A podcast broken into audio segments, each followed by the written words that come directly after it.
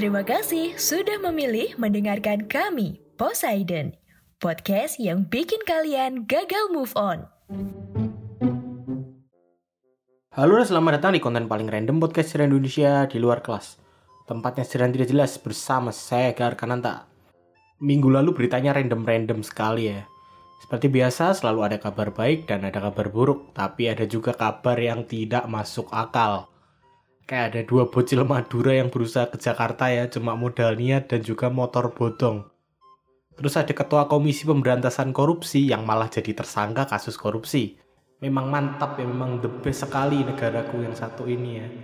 Kabar baiknya adalah akhirnya ada gencatan senjata ya antara Hamas sama Israel. Kalau bisa sampai beneran berhenti supaya tidak ada lagi korban jiwa dan juga kehidupan yang terdampak Minggu lalu juga ada film sejarah yang rilis, yaitu karyanya Ridley Scott, film biopiknya Napoleon Bonaparte yang diperankan sama Joaquin Phoenix ya, yang sebelumnya ini tuh terkenal sebagai Joker. Reviewnya lukewarm ya, jelek enggak, bagus juga enggak. Karena sudah ada filmnya dan siapa tahu kalian juga tertarik buat nonton, episode di luar kelas kali ini juga akan berfokus bahas Napoleon. Lebih tepatnya berbagai fakta unik terkait sama kehidupannya Napoleon yang mungkin kalian tidak akan temukan di filmnya nanti.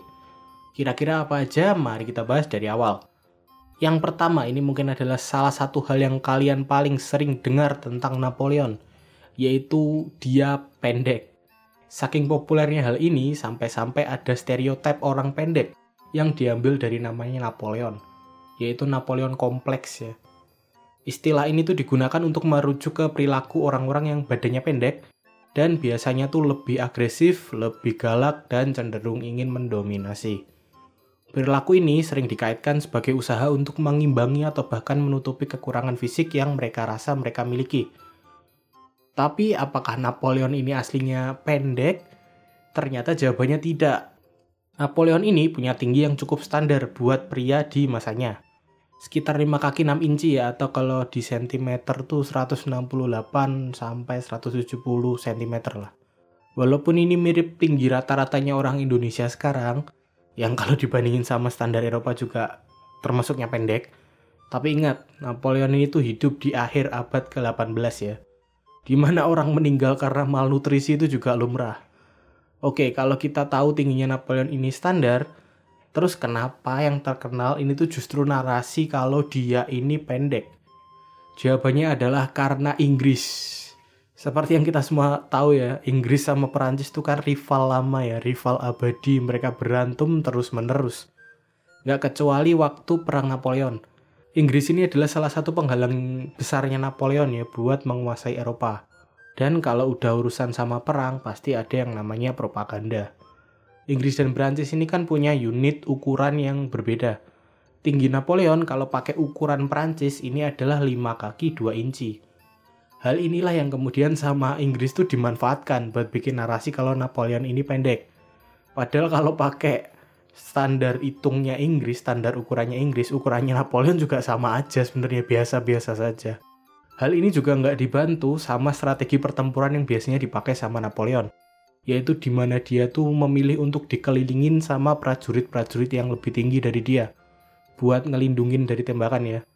Jadi dia makin kelihatan pendek dan propagandanya Inggris ini tuh dengan cepat meluas ya persebaran bahasa Inggris yang menyeluruh ke seluruh dunia ini juga ngebawa mitos ini kemudian. Jadi kesimpulannya adalah Napoleon itu aslinya nggak pendek, cuma sering dilihat pendek aja sama orang-orang. Kedua, Napoleon bukan orang Prancis. Nah, ini mungkin banyak yang kalian belum tahu. Napoleon Bonaparte ini tuh lahir di Korsika ya pada 15 Agustus 1769. Korsika ini adalah sebuah pulau yang terletak di dekat negara Italia. Kalau kalian ngelihat map, di sebelah kirinya Italia itu kan ada dua pulau ya. Yang bawah yang lebih besar itu Sardinia, dan yang ada di atasnya itu Korsika. Kalau Korsika itu memang daerahnya Prancis, terus kenapa letaknya malah lebih dekat sama Italia? Ya karena awalnya Korsika ini memang punyanya Itali, lebih tepatnya miliknya pemerintah Genoa ya, tapi kemudian dibeli sama kerajaan Prancis pada 1767, dua tahun sebelum Napoleon ini lahir. Jadi secara teknis Napoleon ini bukan benar-benar orang Prancis. Kalau dilihat dari etnis dan juga dari budaya aslinya ya. Hal ini pula yang bikin Napoleon tuh sempat dibully waktu sekolah. Karena dia termasuk anaknya keluarga kaya di Korsika, Napoleon ini tuh akhirnya punya kesempatan buat sekolah di ibu kota ya di Paris. Tapi selama dia sekolah, dia tuh terus-menerus mendapat perlakuan buruk ya dari teman-temannya. Yang nganggep Napoleon ini tuh orang desa ya, orang udik gitu, orang norak. Terus namanya aneh, dan juga punya aksen atau dialek yang lucu kalau ngomong Prancis. Mungkin perilaku para bully ini yang justru bikin Napoleon ini tuh makin berkembang ya. Sampai-sampai bisa jadi salah satu jenderal terhebat dan juga jadi kaisar di Eropa. Ketiga, Napoleon membantu kita mengetahui sejarah Mesir kuno. Yang ini sebenarnya lebih terhitung sebagai ketidaksengajaan ya. Jadi antara tahun 1798 sampai 1801, Perancis memang sedang mengadakan kampanye militer di wilayah Suriah. Setelah sebelumnya mereka melakukan hal yang sama di daerah Malta dan juga Pulau Kreta Yunani. Selain untuk mengamankan kepentingan politik Perancis, kampanye militer ini juga membawa para ilmuwan dari berbagai bidang dengan jumlah sekitar 167 orang ya, buat meneliti berbagai hal terkait Mesir. Banyak yang beranggapan kalau hal ini tuh cuma propagandanya Napoleon, supaya tindakan militer yang dia lakukan di sana ini tuh sedikit terobati lah dengan ilmu pengetahuan yang kemudian bisa didapatkan dan juga dipelajari. Tapi ada juga yang beranggapan kalau keterlibatan para ilmuwan ini merupakan cara Napoleon untuk melanjutkan perkembangan ilmu pengetahuan yang memang lagi pesat-pesatnya ya di era Age of Enlightenment tahun-tahun itu. Pada ekspedisi militer ini pula muncul sebuah mitos terkenal yang nyebut kalau pasukannya Napoleon inilah yang ngehancurin hidungnya patung Sphinx. Kalau kalian melihat Sphinx itu kan nggak ada hidungnya ya, kayak bujel gitu ya, kayak patah gitu kan. Nah, katanya yang matain ini tuh pasukannya Napoleon. Mereka iseng itu nembakin meriam ke hidungnya Sphinx. Tapi sekali lagi ini cuma mitos karena banyak banget bukti yang udah ngegambarin kalau Sphinx tuh udah nggak punya hidung lama gitu, jauh bahkan sebelum Napoleon ini lahir. Sayangnya mitos ini tuh malah lebih terkenal dan menutupi fakta bahwa kampanye militernya Napoleon ini justru sangat membantu pemahaman dan penelitian kita tentang Mesir kuno. Karena pada kampanye militer ini, bentar ya namanya susah ini sebentar. Pierre-François Bouchard. Nah itu tadi ya, terima kasih mas-mas Prancis, tadi barusan saya nyulik bule lewat. Salah satu pasukan teknisnya Napoleon ini kemudian menemukan yang namanya Rosetta Stone. Mungkin beberapa dari kalian udah pernah dengar nama ini ya. Rosetta Stone ini adalah salah satu prasasti terpenting buat Mesir kuno. Karena dengan adanya prasasti batu ini, akhirnya kita bisa menerjemahkan atau mentranslatekan tulisan-tulisan Mesir kuno yang sampai saat itu kita tidak bisa baca. Hal ini dikarenakan Rosetta Stone ini tuh ditulis dengan tiga aksara, hieroglif dan demotik yang nulis bahasa Mesir kuno, dan juga yang paling bawah ini ditulis pakai abjad dan bahasa Yunani kuno. Nah, karena kita bisa baca bahasa Yunani kuno, akhirnya tulisan hieroglif tadi juga kebaca sama kita. Jadi, kalau nggak karena ekspansinya Napoleon, mungkin sampai sekarang kita nggak bakal bisa baca huruf hieroglif dan nggak tahu sejarah serta budaya Mesir yang ditulis pakai huruf ini.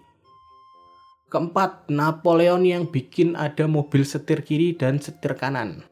Seperti yang kita ketahui, di dunia ini kan terbagi dua jalur ya, ada yang lewat kiri dan ada yang lewat kanan. Yang lewat kiri setirnya di kanan, dan yang lewat kanan setirnya di kiri. Bingung ya kalau nggak ada visualisasinya, nggak ada penggambarannya tuh agak susah. Kalau di Indonesia itu pakai jalur kiri. Hal ini tentu saja terlihat ya, terutama ketika kita naik angkot, penumpangnya kan selalu teriak kiri ya, buat angkotnya tuh menepi dan berhenti. Kalian sebenarnya juga bisa teriak yang lain sebenarnya kayak supir itu misal. Nanti juga angkotnya berhenti.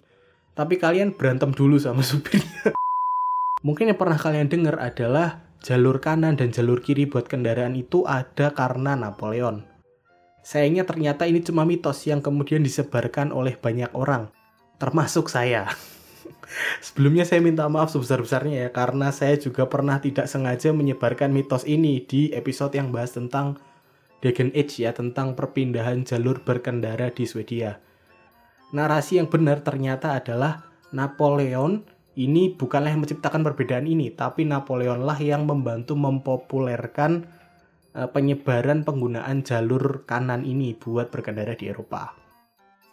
Karena ternyata di periode itu tidak ada aturan yang jelas buat ngatur jalur berkendara yang pasti. Aturan yang ada biasanya itu cuma sebatas aturan kota atau aturan daerah, tanpa ada aturan yang mengatur secara nasional. Malahan kalau jalannya lagi kosong, kalau nggak emang nggak ada yang lewat, kamu mau lewat jalur kiri apa lewat jalur kanan juga nggak masalah. Napoleon sendiri itu biasanya memang suka ngebarisin pasukannya di sebelah kanan jalan. Ya karena satu dia kidal dan juga karena musuh besarnya yaitu Inggris ini pakai jalur kiri. Jadi biar beda sama Inggris saja lah. Yang terakhir dan yang paling penting adalah Napoleon dan persebaran paham demokrasi, nasionalisme, dan juga kemerdekaan di Eropa. Walaupun nggak secara langsung, tapi sedikit banyak, perang Napoleon, ekspansinya Napoleon di wilayah Eropa, ini tuh membawa dan menguatkan dasar-dasar nasionalisme, demokrasi, serta kemerdekaan di wilayah-wilayah yang terpengaruh. Walaupun sebenarnya paham-paham ini udah mulai dikenal masyarakat sebagai efek dari abad pencerahan di Eropa, banyak dari mereka ini tuh yang baru benar-benar ngerasainnya langsung pasca perang Napoleon. Entah karena mereka gedek sama pemerintah-pemerintah boneka yang dibikin sama Napoleon, atau karena udah bosen dan tahu salahnya pemerintah mereka sebelumnya. Jadi gimana menurut kalian? Adakah dari fakta-fakta tadi yang kalian udah pernah dengar sebelumnya? Silahkan tulis di bawah pendapat kalian di kolom Q&A atau di kolom komentar. Sesuai dengan platform tempat kalian mendengarkan. Terima kasih udah dengerin sampai habis. Kalau punya kritik, saran atau ada ide bahasan, silahkan dikirim ke Instagramnya Poseidon di @podcast underscore Indonesia atau ke Instagram pribadi saya di @rotikecap. Jika ada kesalahan, saya mohon maaf sebesar-besarnya. Saya Eka Arkananta pamit, sampai bertemu di konten Poseidon yang lainnya. Bye-bye.